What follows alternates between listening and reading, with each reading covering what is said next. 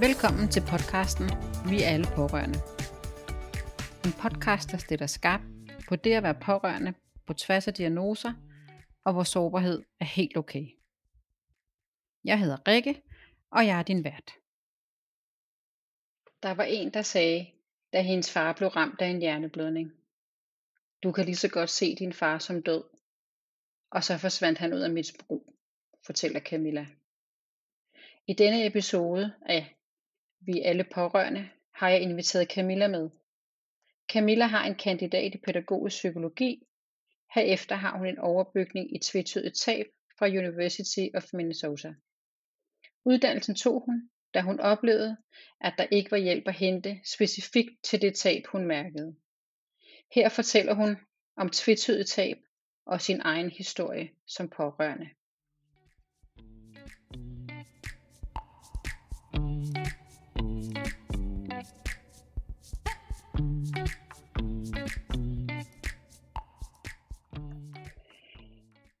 Velkommen Camilla. Tak. Øh, jeg tænkte, om du ikke vil starte med at fortælle lidt om, hvem du er, og, og hvordan du opdagede tvetydigt tab, hvad din baggrund ligesom er for det. Øh, ja, jamen, øh, jeg, jeg var pårørende øh, til min far, øh, som fik en hjerneblødning i 2012. Og øh, ja, så derfra, så øh, jeg ved ikke, om jeg sådan skal kaste ind i den historie med det samme. Mm? Det er du øh, velkommen til. Men at øh, lige så snart, at, at øh, han fik den her hjerneblødning, og det var sådan et kæmpe chok og kaotisk i familien, så valgte jeg at tage hjem. Jeg var arbejdet som guide på det tidspunkt, charterrejseguide og tog hjem fra de varme øer og hjem til Danmark og så min far lå på sygehuset. Øhm, og vidste ikke, om han ville overleve eller ej. Det gjorde han heldigvis. Og han kom i genoptræning, og jeg endte med at øh, prioritere, at charterlivet det var slut, og at jeg ville blive hjemme, og jeg var det, jeg selv kaldte fuldtidsdatter. ja, det må man sige. øhm, så øh, ja, være med ind og ud af sygehus og genoptræningssteder, og øh, få styr på huset og hjemmet. Hvordan kommer det til at blive, når han engang kan komme hjem? Der skal være en sygehusseng. Vi bliver nødt til at rydde ud af tingene. Um, ja. Så det blev bare en lang, meget, meget længere tur, end jeg på nogen måde havde forventet, da det først skete. Altså, og hvor lang var den tur? Altså, fra, altså hvor lang var perioden? Indtil han kom hvor hjem? du boede hjemme? Ja. Øh, altså, jeg boede hjemme et helt år øh, efter, at han havde fået sin hjerneblødning. Jeg forsøgte at tage afsted som, som charterguide, øh, og var afsted kun en måned, men måtte give fortabt i det, fordi jeg havde så mange spekulationer omkring, hvordan går det derhjemme? Hvordan har han det? Hvordan har min mor det? Øh, jeg var rigtig, jeg var meget bekymret for dem, begge to. For dem begge to. Så, så øh, tog du ligesom over for, øh, for både din mor og far? Altså var det dig, der ligesom øh, styrede, kørte familien på, øh, på det tidspunkt?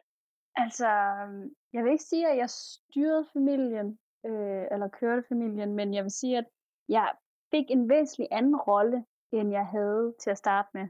Ja.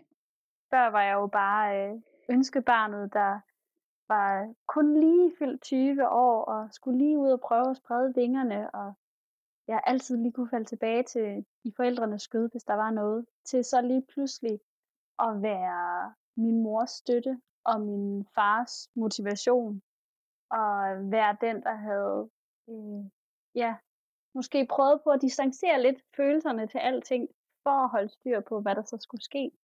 Og fordi at jeg var hurtigere til lige at forstå, hvad det var, lægerne sagde, eller sygeplejersken sagde, eller ergoterapeuten sagde, så blev det også mig, der blev bindeled til at forklare min mor, hvad der så skulle ske, eller få snakket øh, med hende om det, og min far om det.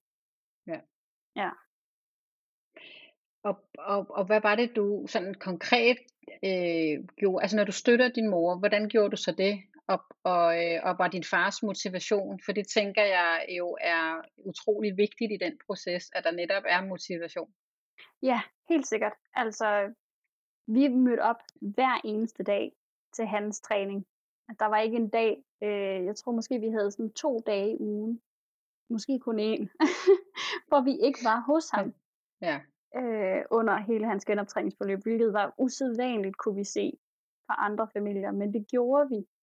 Øh, og det var trættende, og det var hårdt, men det var sådan, vi, øh, vi valgte at gøre det. Det kan godt være, at man skulle have givet sig selv nogle flere pauser, end vi gjorde.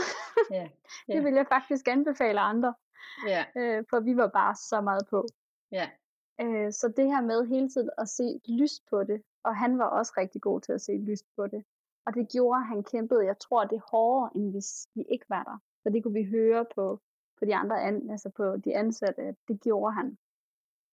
Ja. Øhm, og for, i forhold til min mor, jamen, så var det jo både sådan fysisk, men også bare psykologisk. Altså hun havde brug for en, en støtte mentalt til at forstå, hvad der var, der skete, og hvordan det var, og vi måtte sidde sammen og græde sammen. Det var jo også en fælles ting. Mm. Øhm, om hvad er det, der sker? Hvad, er, hvad kommer der til at ske? Ja. Øhm, men også bare, der, der kom nogle helt naturlige ryg i, i sådan, hvordan man støttede hinanden til. Øh, når vi kom hjem med bilen, for eksempel, hvis det kom et helt konkret eksempel, hvor det ikke bare er, øh, vi snakker sammen, Ja. men at, men at jeg kom, vi kommer hjem med bilen, og det er mig, der har kørt. Øh, min far plejede at køre, så jeg kørte. Øh, vi skal have tingene ud af bilen. Der er ikke nogen af os, der tager tingene ud af bilen, for det gjorde min far. Så jeg endte med altid at tage tingene ud af bilen. Ja. øhm, og, og når min mor hun skulle lave mad, jamen det plejede at være min far, der skrællede kartoflerne. Så nu skrællede jeg kartoflerne. Øhm, så rigtig mange af de ting og den rolle, min far havde, den overtog jeg helt automatisk. Når om regningerne skal betales, det plejede far at gøre, men så gør jeg det. Eller, sådan langsomt overtog jeg faktisk den rolle, han havde i huset i løbet af, af det år. Så, så hvor meget tid var der til dig? Øh, ja, altså jeg var jo fuldtidsdatter. Ja, det var du nemlig. så det var, Ja. det var jo mange timer. Ja. Hvordan befandt du dig i den rolle så? Altså, øh, fordi et er, om man altså i, i, i sådan et, år ikke kan mærke sig selv, øh, hvilket jeg tænker er ret naturligt. Det er i hvert fald min egen erfaring. Øh, men du overlevede jo alligevel. Du Mm. klarede opgaverne, så havde du arbejde. Du sagde du lidt, at du prøvede at komme tilbage til guide-livet, men det lykkedes ikke, eller hvordan? Ja, altså jeg, jeg arbejdede en måned øh, som guide øh, nede på Tenerife, men, men måtte stoppe igen, fordi Ja. hele mit hoved var stadigvæk i Danmark. Ja.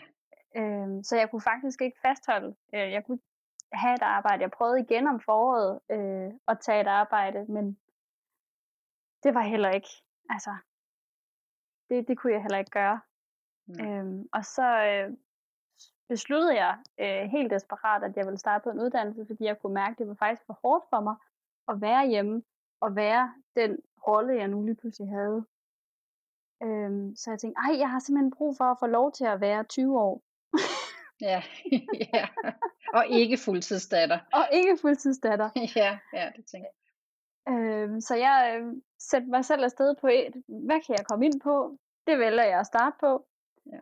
Øhm, og så øh, gik det sådan, at jeg jo faktisk tog hjem hver evig eneste weekend. Jeg tror i hvert fald de første tre år øh, af mit studie.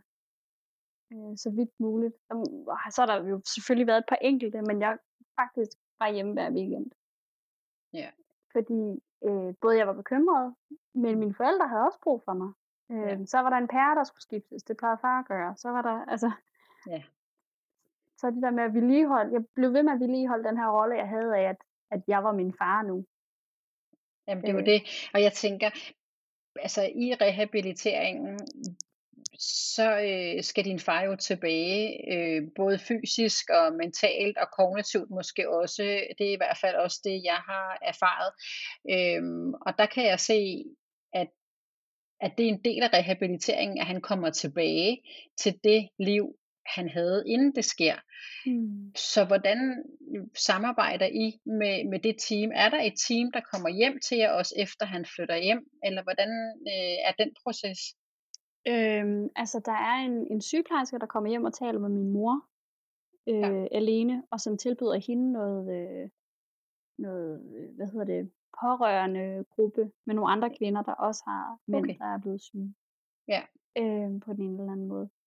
Og det er sådan set det.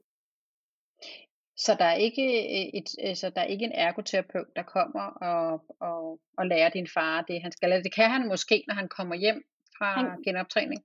Han kan, han kan mange af de ting, at øh, han skal kunne. Han har Okay. lært at spise øh, Ja. næsten helt almindeligt. Øhm, og så ellers så, så foregår det igennem et, et center, han er på. Okay, og jeg tænker også igen helt konkret nu, siger Mhm. du selv eksemplet med at skifte en pære, Ja. eller passe økonomien. Det kunne Ja. han jo før. Ja. Øh, kan han det, når han kommer hjem? Nej, Nej. det kan han ikke. Øhm, det, det, det er faktisk også sådan, at, og det er igen det, er det der med relationen, der ændrer sig fuldstændig, at, at øh, jeg bliver nødt til faktisk at få frataget min far muligheden for at bruge øh, hans, hans penge og hans konto, fordi at, at øh, hans hjerneskadetræthed gør, at, at han kommer til at overføre de samme beløb flere gange til nogen. Ja, Det er heller ikke så heldigt. det er heller ikke så heldigt. Nej, nej. Og det er jo det, der, altså det er jo det, man, man, man ofte ser, når, mm. når der Mm. sker de her skader i hjernen. Selvfølgelig er det jo afhængigt af, hvor i hjernen og, mm. og øh, hvor store øh, skaderne er, er sket.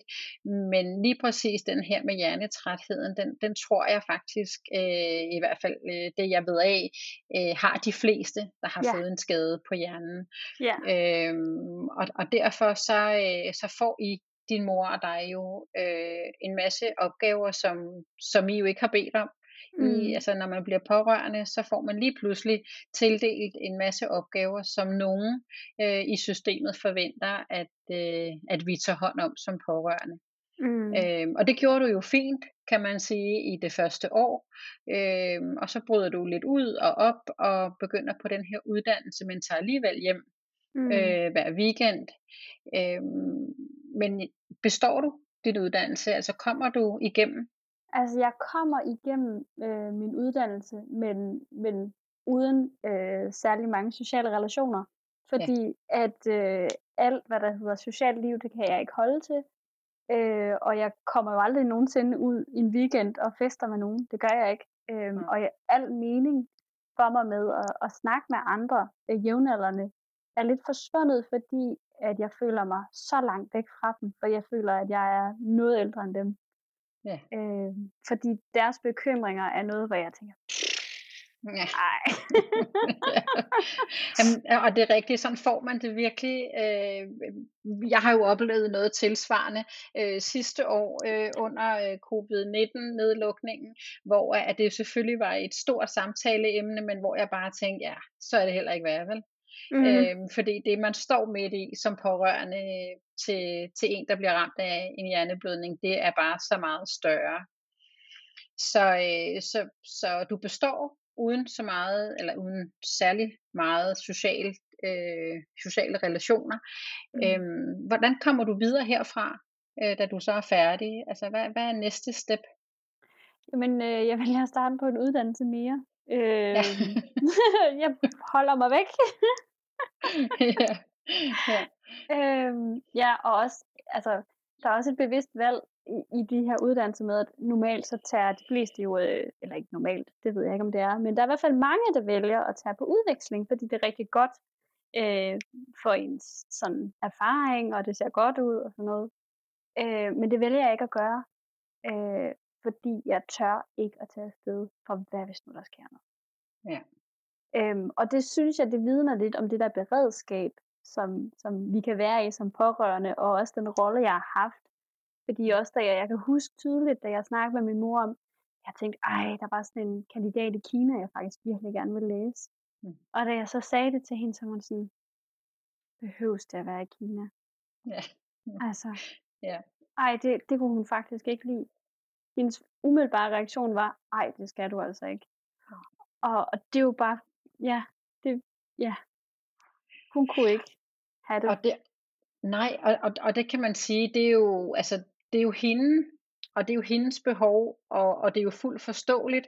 Det Så øh, så så man kan sige, at altså hele det der spil og hele det pårørende øh, setup, kan man jo kalde det, det er Mm. hun jo også afhængig af. Altså Ja. øh, at at du ligesom er med til at at danne et øh, altså som jeg hører det, et bindeled imellem de forskellige øh, parter, ikke? Jo. Ja, altså hvor du gør noget, som din far plejer at gøre. Du støtter din mor, og så er du med din far, når han øh, skal genoptrænes. Så det er, og så har du så lige et studie ved siden af også, så, så man kan sige, der, der er jo masser at se til, ikke? ja. Ja. Men jeg kunne godt tænke mig ligesom at, at gå lidt tilbage i tid igen. Ja. Øhm, fordi jeg kan huske, du tidligere har fortalt mig noget om det her med, at øh, at, at miste, altså have et tab, Mm. øh, uden at miste. Altså Ja. uden at miste til døden. Vil du ikke prøve at, at, at fortælle lidt om, om, om dine erfaringer med det? Øh, jo. Det er det her, øh, jeg kalder tvetydigt tab, Præcis. øh, som oprindeligt er fra en øh, amerikansk forsker, øh, der har øh, kommet frem til det øh, i, ja, det hedder ambiguous loss, så jeg bare oversat det. Men øh, det her tab, det handler om, at man er i en situation med et uklar, uklart tab. Og øh, det kan jo være alle mulige situationer, men pårørende øh, er typisk i den, øh, den oplevelse. Og det kan både være, at øh, man mister nogen, som er, er væk fysisk, men selvfølgelig er i ens hjerte stadigvæk, men også det her, når vi er pårørende, så er det den fysiske tilstedeværelse og den psykologiske fravær. Og det er jo for eksempel det her, jeg har oplevet med, at jamen, mange af mine fars evner øh, forsvandt, øh, og han ændrede sig drastisk af hjerneblødningen. Han blev et andet menneske på mange punkter. Mm. Øh, det er det tab, som er så uklart, og ikke særlig specifikt, hvad er det egentlig, du har mistet, fordi han sidder jo lige der. Præcis. Øh, og han Ja. kunne sidde der ved siden af mig, og jeg kunne stadigvæk savne ham. Ja. Og det virkede rigtig fjollet dengang, og jeg kunne, det var svært at sætte ord på, og få folk til at forstå, hvad der var, der skete. Ja. Ja. Og det er, altså, det er virkelig så genkendeligt. Øhm, øh, altså hele den her, øh, alle sidder og venter på, nu er det sket, og, og, og nu ved jeg ikke, hvor, hvor kritisk øh, øh, din fars situation var, men, men den, der, der var her hos os, den var, altså vi var faktisk syv uger, øh, sad vi alle sammen og ventede på, om Rasmus valgte livet, eller han ikke valgte livet. Mm. Og, øh, og, og det er jo svært for andre at forstå, hvad det er, Mm. vi er, er oppe imod. Det er også svært at forklare.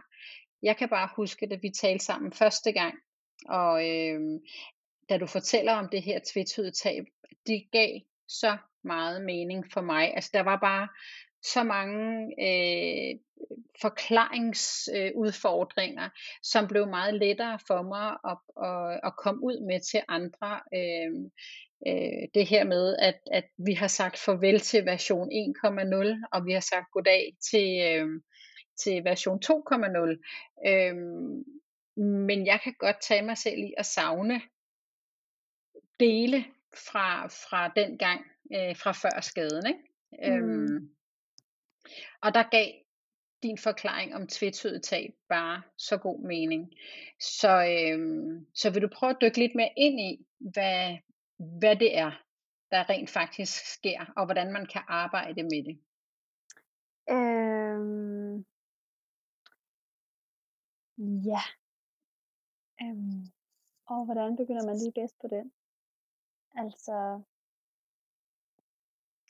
det der, altså det er jo svært at sige, hvad der øh, sker for, for den enkelte, men, men det er det der med, at øh, når der er noget, der er så tvetydigt som et uklart tab, hvor du ikke ved, hvad er det præcis, jeg har mistet, hvad er det øh, præcis, jeg stadigvæk har, øh, som gør, at, at vi mennesker, vi får øh, meget ambivalente følelser, og faktisk direkte modsættende følelser, øh, er ret klassisk. Altså sådan en, åh, der er mange, der kan have den her skyldfølelse over at få den her, åh, hvis, hvis nu bare min far havde været død, så havde det ikke været så slemt. Mm. Eller så havde, han, så havde han ikke skulle lide nu, og vi havde heller ikke skulle lide nu. Og det er jo en frygtelig ting, øh, kan vi godt sidde med og have, have enorm skam og enorm skyld over det her.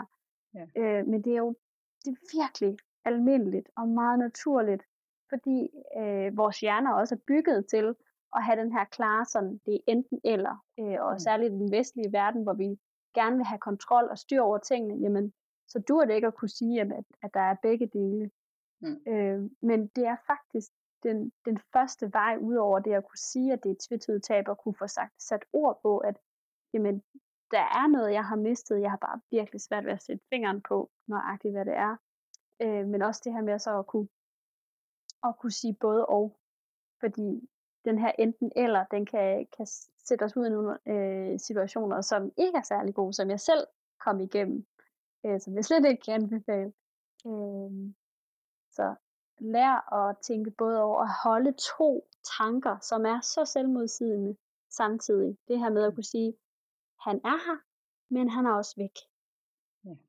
Det skal vi faktisk kunne lære at, at gøre, selvom at det er svært for vores hjerner at kapere den her ambivalens. Og jeg tænker også, altså, hvor er håbet henne i de to versioner?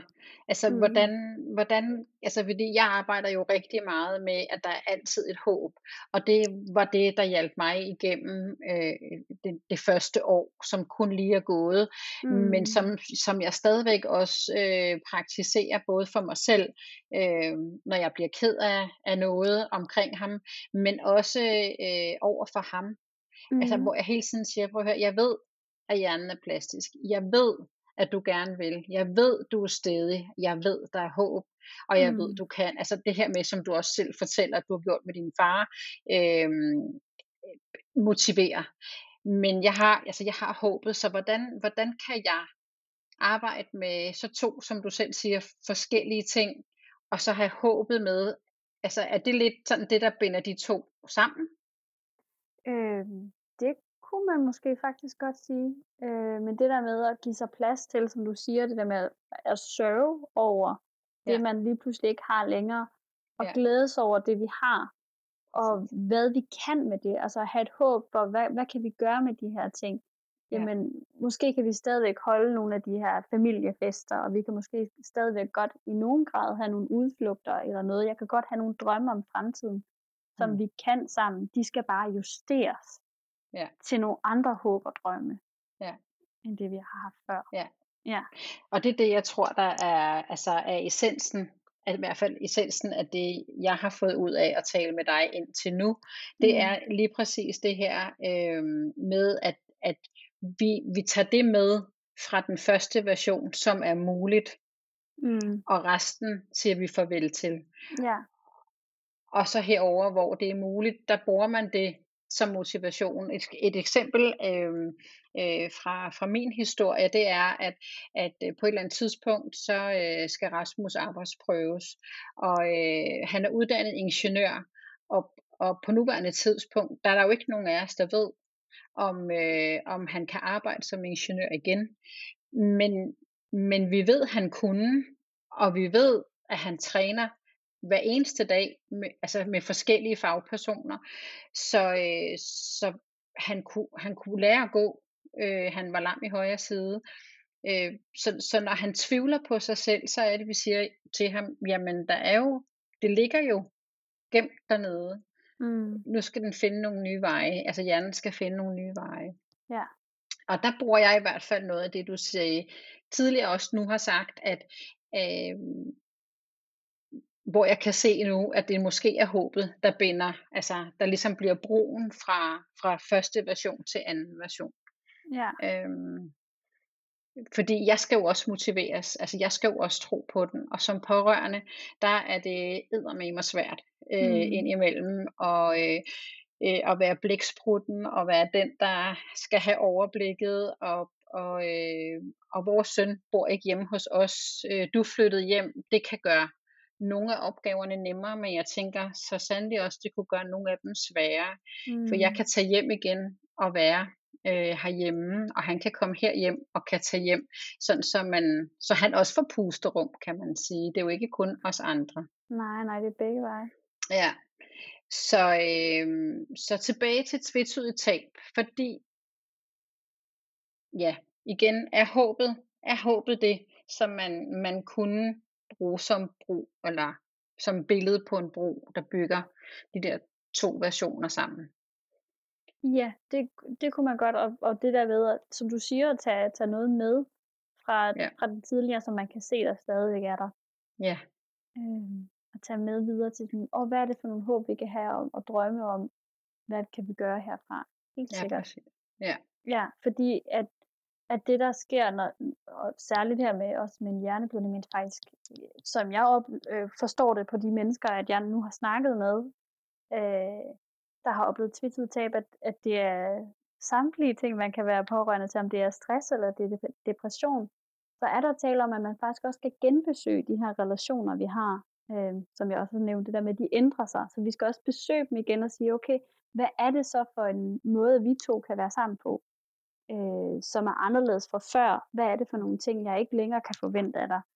Øh, og hvad er det for nogle ting, at vi så kan, vi så kan i stedet for? Øh, skal man i tale sætte dem? Altså skal, skal man ligesom, han har sagt, sætte sig ned og sige, nu tager vi en snak om det her, eller er det noget, der, der, øh, der, der ligesom glider øh, og bliver sådan automatisk, når man er øh, som pårørende er, er bevidst om, om, om den måde at arbejde på?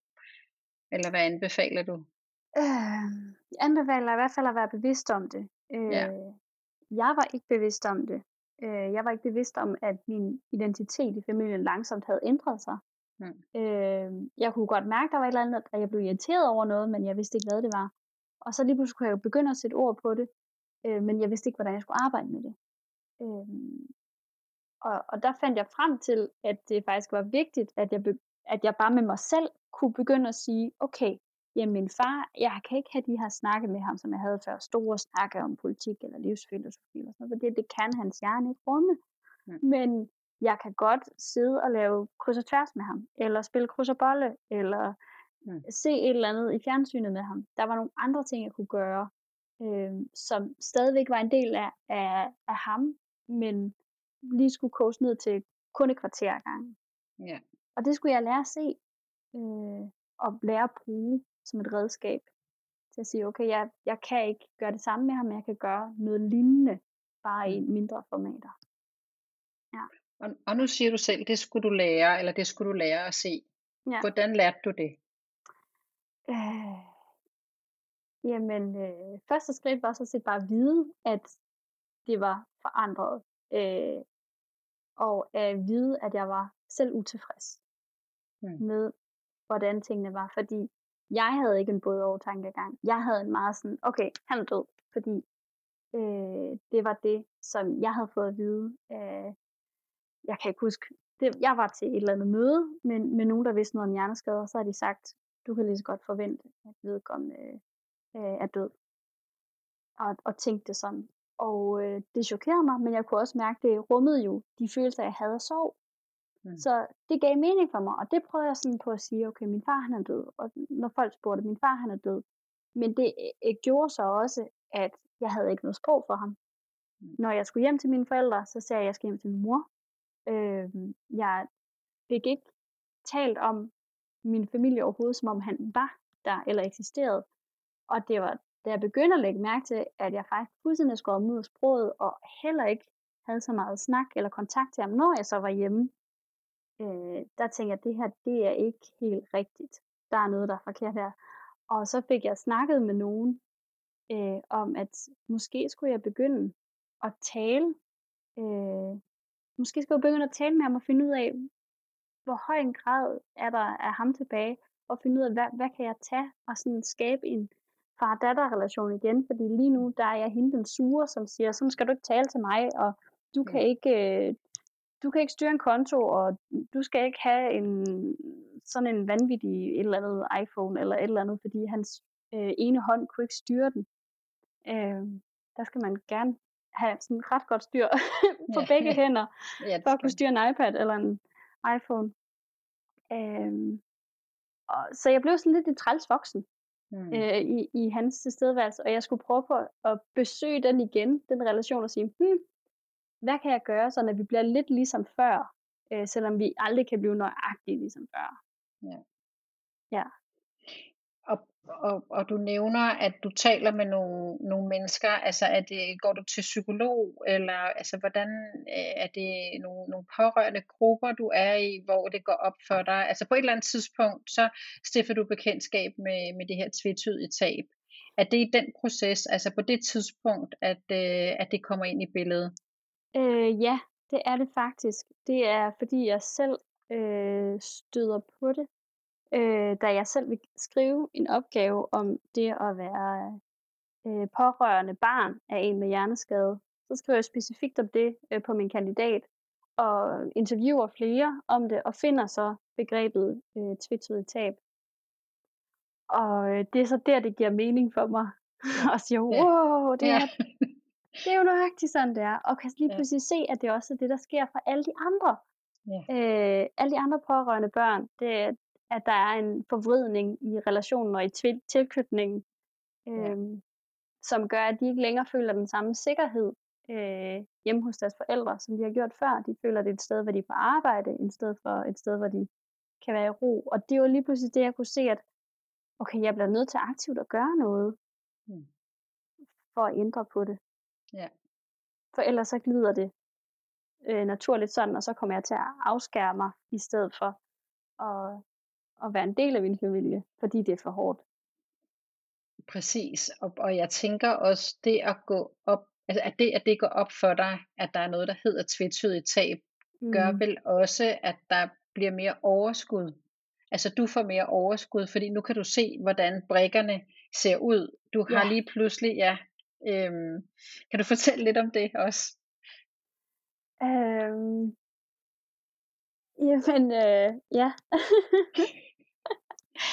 altså, ja, det, det føles bare helt vildt, og jeg har bare lyst til at dele det med alle.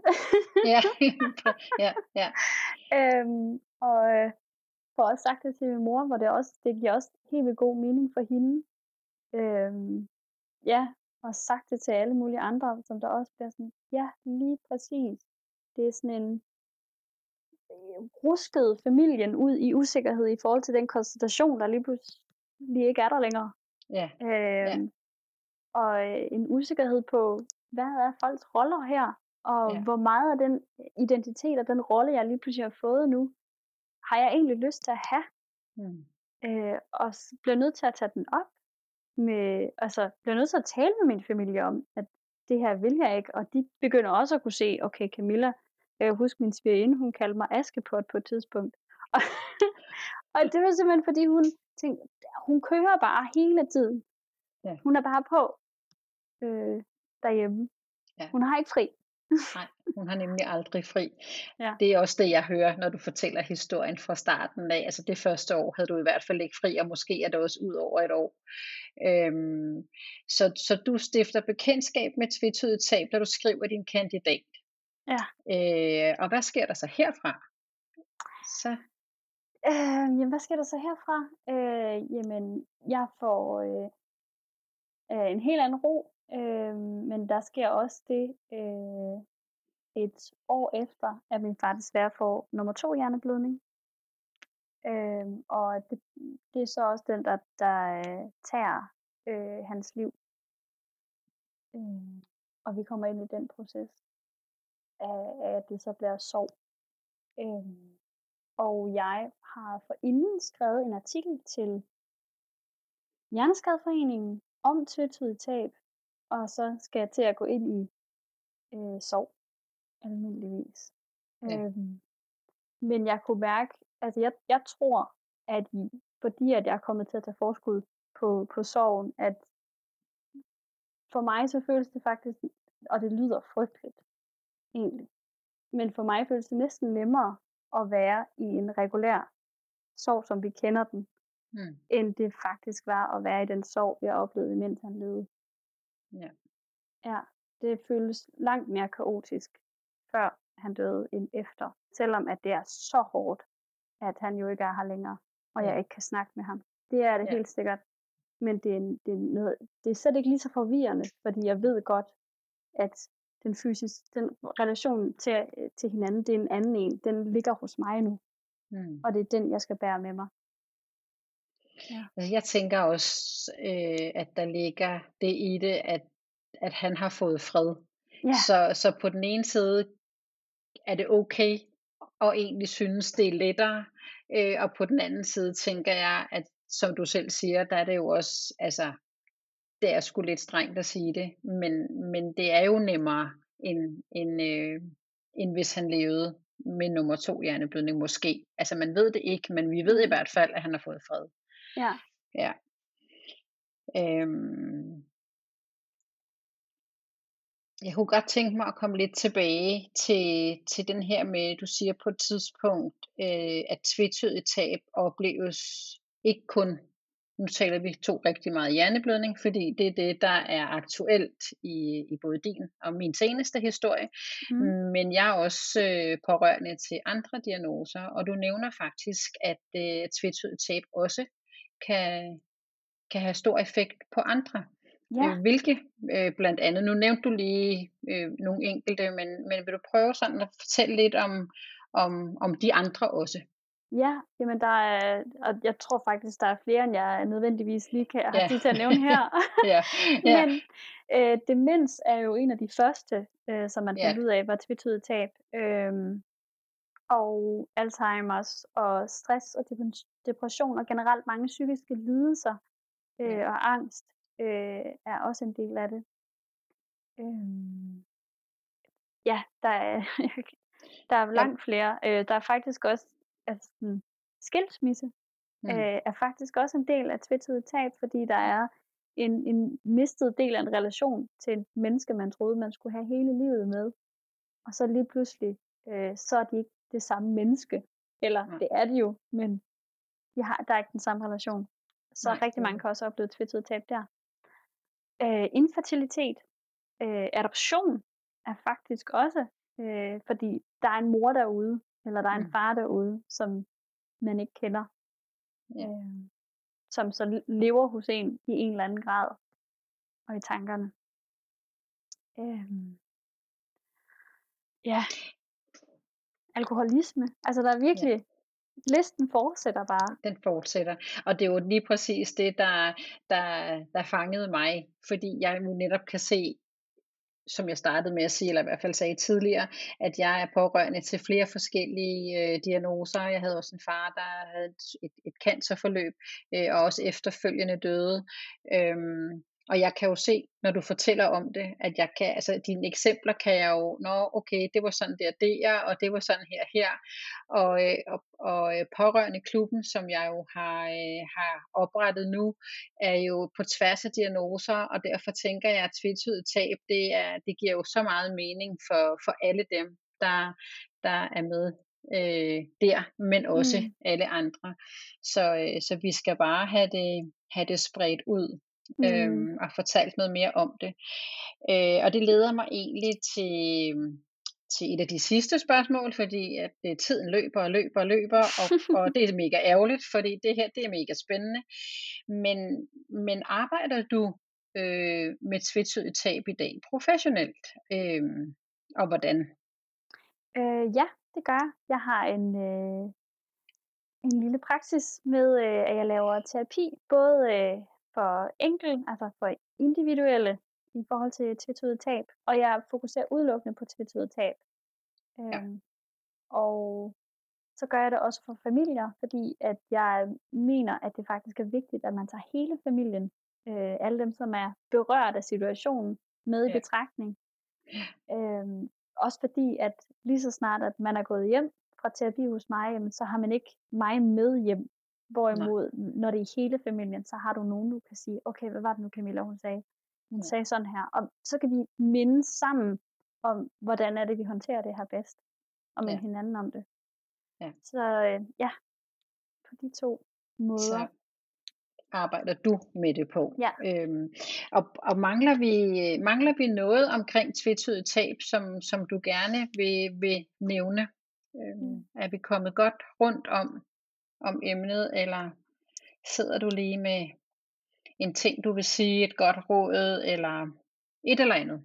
Altså jeg kom lige i tanke om, at jeg vil lige huske, at autisme og ADHD faktisk også er måder, hvorpå man kan. Og det kan godt være, at man netop lige tænker, jamen det er jo ikke en øh, mental sygdom, men bare en, en neurodiversitet. Men, men stadigvæk kan folk godt opleve øh, tvetydigt tab øh, med autisme. Jeg og tænker, ADHD.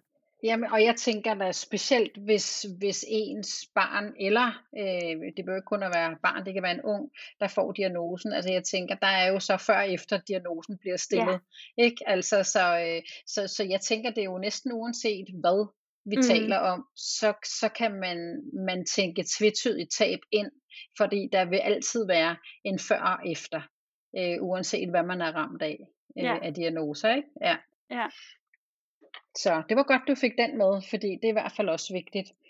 Øh, men, men igen tilbage til spørgsmålet, er der noget, vi, vi mangler, eller har du et godt råd, du, du vil give med på vejen til vores lyttere? Øhm, åh, der er mange gode. Ja. Jamen, så bare et par stykker. Jeg har skrevet en hel liste ned. Ja, Men, ja. øh, men jeg tror næsten, jeg vil anbefale, at hvis man går ind og følger, øh, følger tvetydigt tab, så Ja. øh, gennemgår jeg der, så kan man selv i eget tempo øh, lige få læst, hvordan kan man begynde at tænke den her både overtænkning. Øh, hvad er det for nogle ting, man skal fokusere på, når man er i, i en situation, der er så kaotisk, hvor det føles som om, at altså, man er magtesløs, og der er ingen kontrol. Og hvordan kan man så genfinde den her kontrol? Øh, og hvordan kan man genbesøge de her relationer, og ja, generelt alle de her ting. Så man lige kan huske sig selv på det. Præcis. Og hvor kan man følge dig henne, når man gerne vil det? Det kan man øh, inde på Instagram. Der er der en, der hedder snabelag tvetydigt tab, som man kan følge. Og det er til- derinde. Ja, Ja, det er der, det er du kan der. finde alle de her informationer. Der kan man også kontakte mig, hvis det er, at man har nogle spørgsmål, eller er nysgerrig på at høre, jamen, hvordan foregår et, et terapiforløb hos mig. Det synes jeg faktisk var en rigtig, rigtig god afslutning. Så øhm, jeg vil sige tusind, tusind tak, fordi du kiggede forbi. Det har været en fornøjelse at tale med dig igen, og jeg håber bestemt ikke, det er sidste gang, vi to vi taler sammen. Nej, det håber jeg heller ikke. ha' det godt. I lige måde. Og tak for det. Ja, selv tak. Hej. Hej. Vil du være en del af fællesskabet, vil jeg med glæde byde dig velkommen til Pårørende Klubbens Facebook-gruppe. Den er ganske gratis, og du finder den nemt ved at søge på Pårørende Klubben på Facebook eller i Google. Der ligger også et direkte link i beskrivelsen. Kunne du lide episoden, så smid gerne 5 stjerner vores vej, der hvor du lytter til din podcast. Og vil du være helt sikker på at være klar, når næste episode lander, så ind og følg podcasten i din podcast-app. Tusind tak, fordi du lyttede med til denne episode af podcast-serien Vi er alle pårørende. Vi høres ved i næste episode.